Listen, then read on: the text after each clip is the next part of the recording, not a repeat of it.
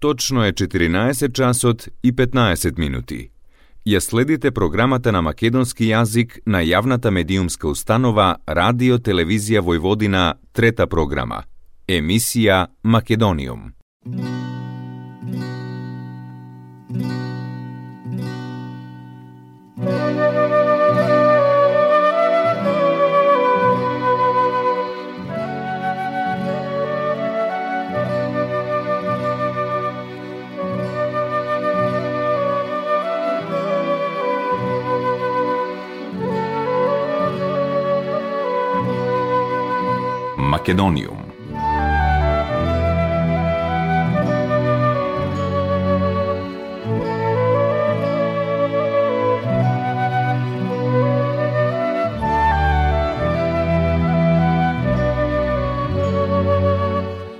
Добар ден и добре дојдовте во најновото издание на емисијата Македониум. Со вас, почитувани слушатели, е вашиот уредник и водител Јулијана Милутиновиќ. Македониум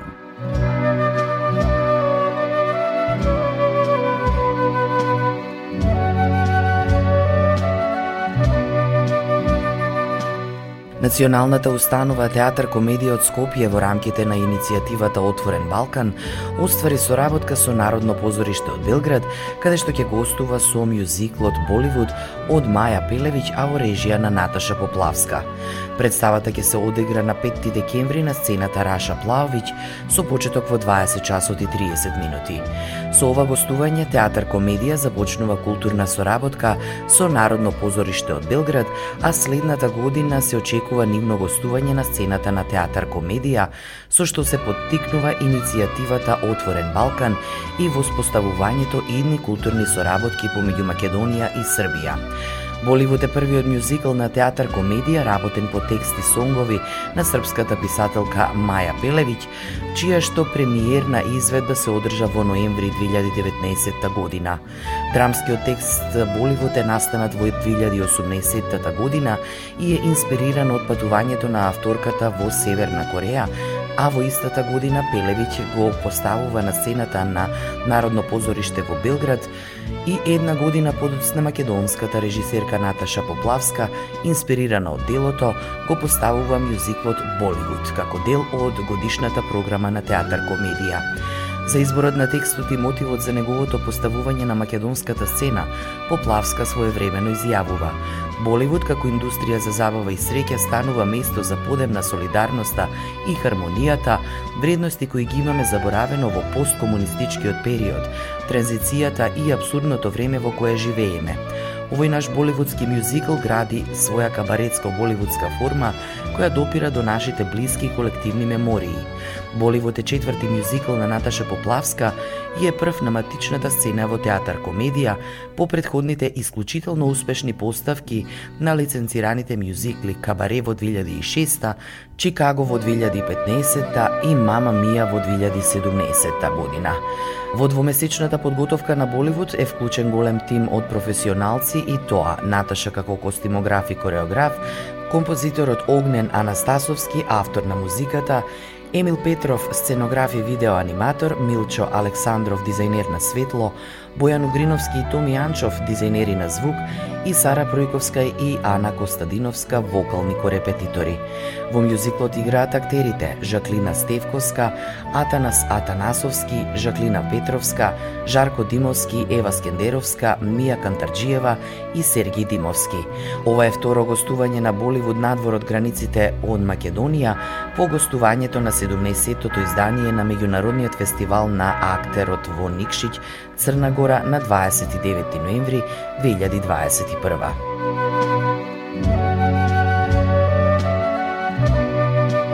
Македониум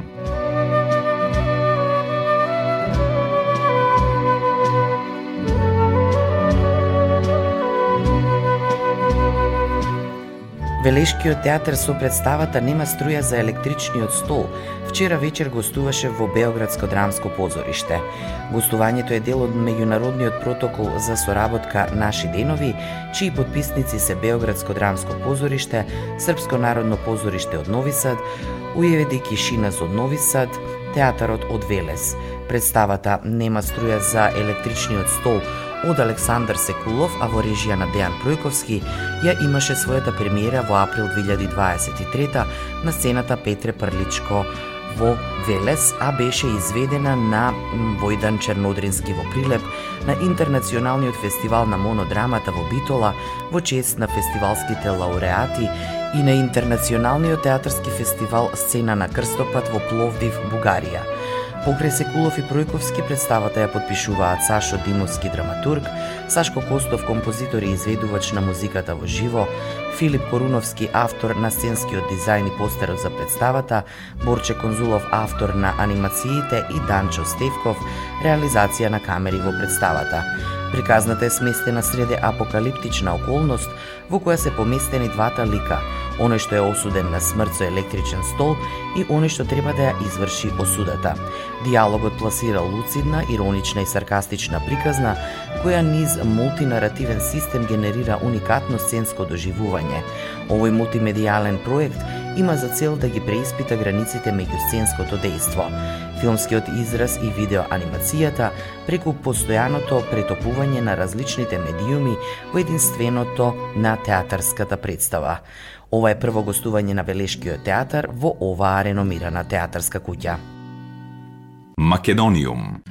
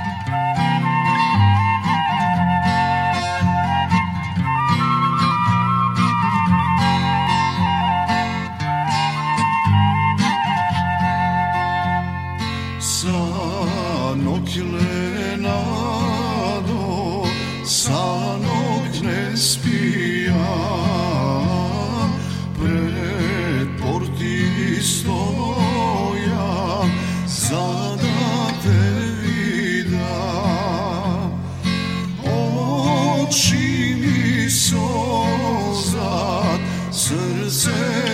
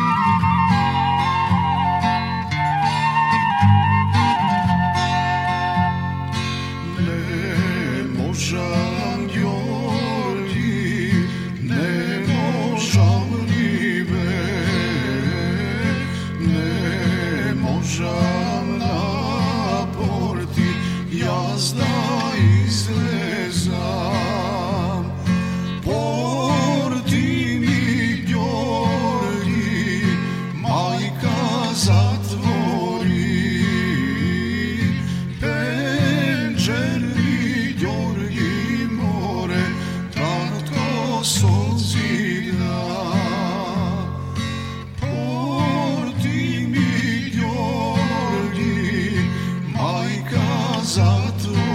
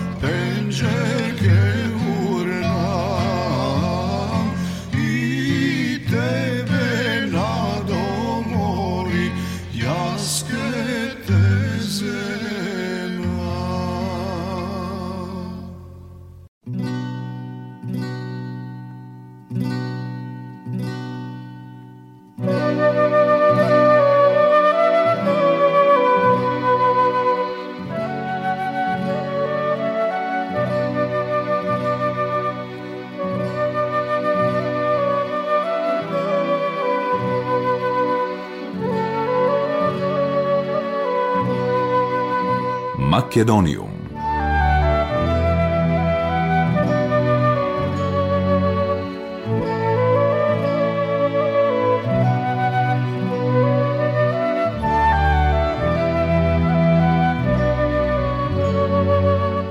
Филмот Ефтер Кланг Македониум Бенд во режија на Андреас Јонсен ќе има светска премиера на 23 март следната година на еден од најголемите светски фестивали за документарен филм во Копенхаген.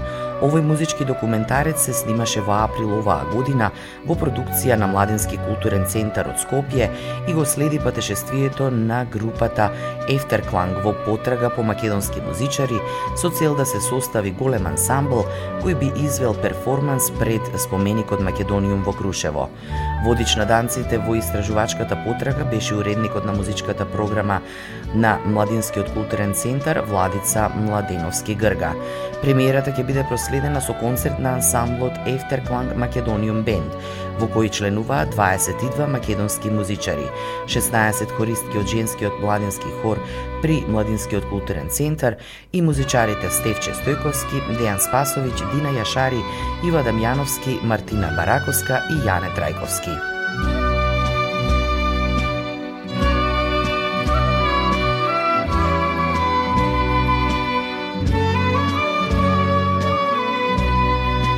Македониум.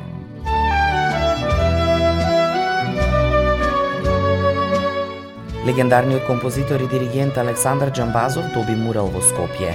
На иницијативата на Обштина Центар муралот го изработија уметниците Драган Китановски Драш и Маријан Димиќ Мачка и се наоѓа на зградата на улицата Орце Николов во Дебармало, близу кафеаната Наджак. Покрај маестро Джамбазов, со муралот му се оддава почит и на детскиот фестивал Златно Славиче, што тој го покрена во 1970 година. Градоначалникот на Обштина Центар, Горан Герасимовски, најави музички настан на 25 јануари следната година, со кој ќе се одбележи две годишнината од смртта на Джамбазов. Минатата година на основното училиште Колене Делковски беше насликан мурал на Горан Стефановски по повод 70 години од неговото раѓање.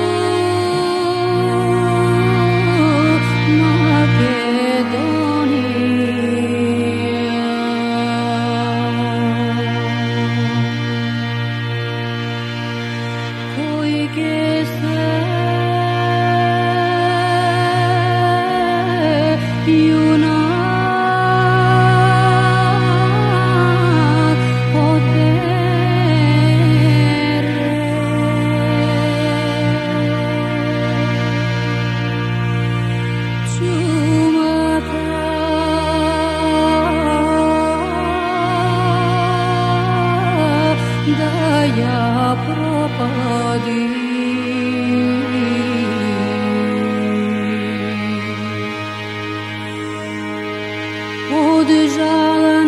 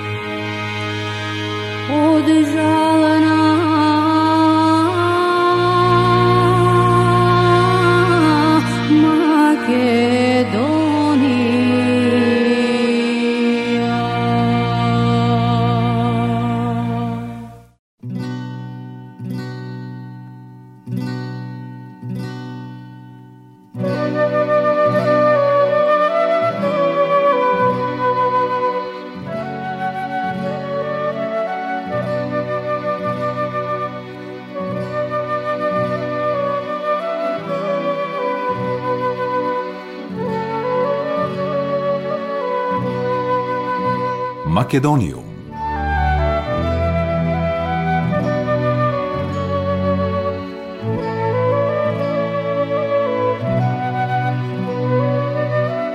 Виртуозниот виолинист Роберт Лакатош утре со почеток во 20 часот ќе настапи како солист со оркестарот на Македонската филхармонија на концертот со наслов Искон. На програмата се концертот за виолина и оркестар во демол од Јан Сибелиус и симфонија број 1 од Васили Калиников. Диригент Емануел Хернандес Силва од Венецуела. Финскиот композитор Јан Сибелиус е еден од редките композитори чиј опус целосно е обоен со звукот на неговата родна земја и кој оди рака под рака со борбата на финскиот народ за себе определување и независност.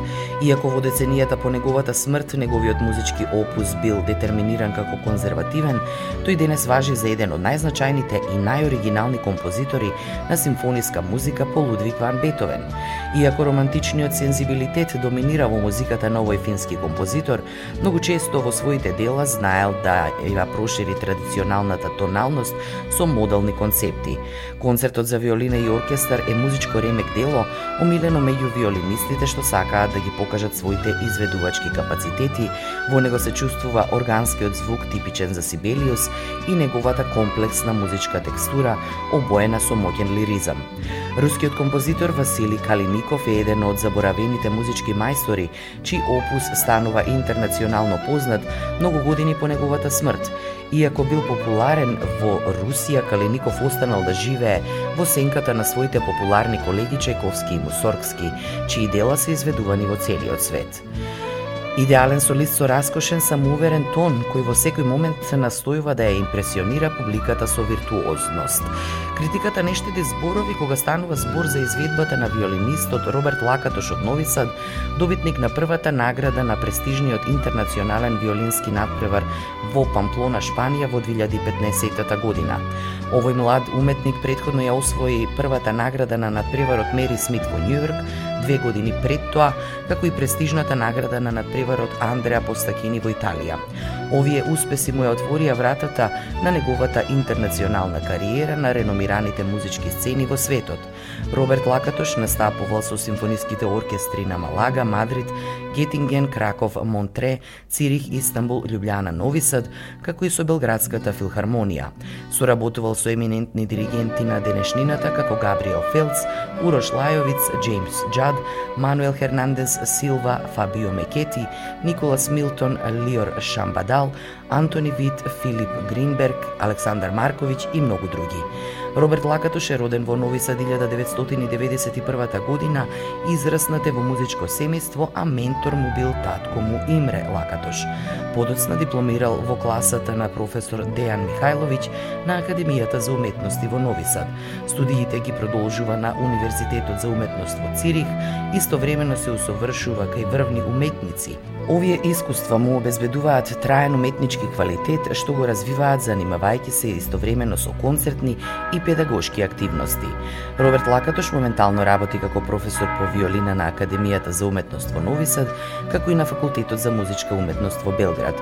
Од 2018 година е уметнички раководител на камерниот гудачки ансамбл Роберт Лакатош, составен од млади музичари, чија цел е да ги промовира младите виртуози на виолина. Добитник е на наградата Искра на културата во 2017 признание што Заводот за култура на Војводина го доделува за современото творештво на млади уметници до 35 години. Роберт свири на виолина Антодио Страдивари од 1709 година од приватната колекција на познатиот мајстор Владимир Радосављевиќ. Мануел Хернандес Силва дипломирал на престижниот државен конзерваториум во Виена со највисоки оценки, а професори му биле Рейнхард Шварц и Георг Марк. Тој е добитник на наградата на надпреварот за диригирање Јунгер Кунслер, што ја деделува Виенскиот камерен оркестар со кој Силва диригира во Виена. Диригирал на значајни интернационални фестивали, а често настапува како гостин диригент со шпански и со други оркестри во Европа.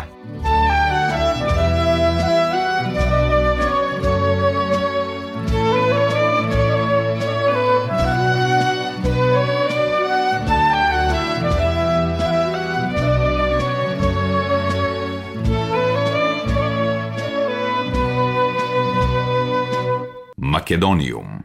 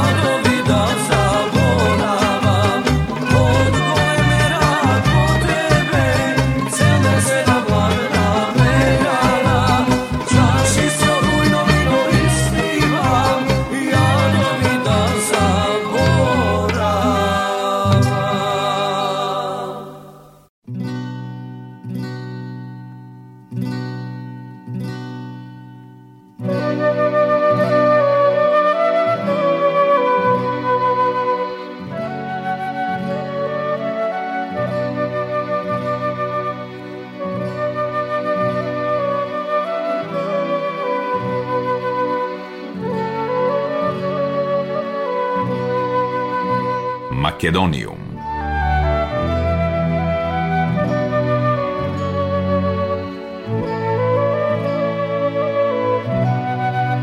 Почитувани слушатели, тоа беше се во денешното издание на емисијата Македониум. До следната среда во исто време, срдечен и голем поздрав од вашиот уредник и водител Јулијана Милутиновиќ. Ја следевте програмата на македонски јазик, емисија Македониум. Главен и одговорен уредник Воин Поповиќ.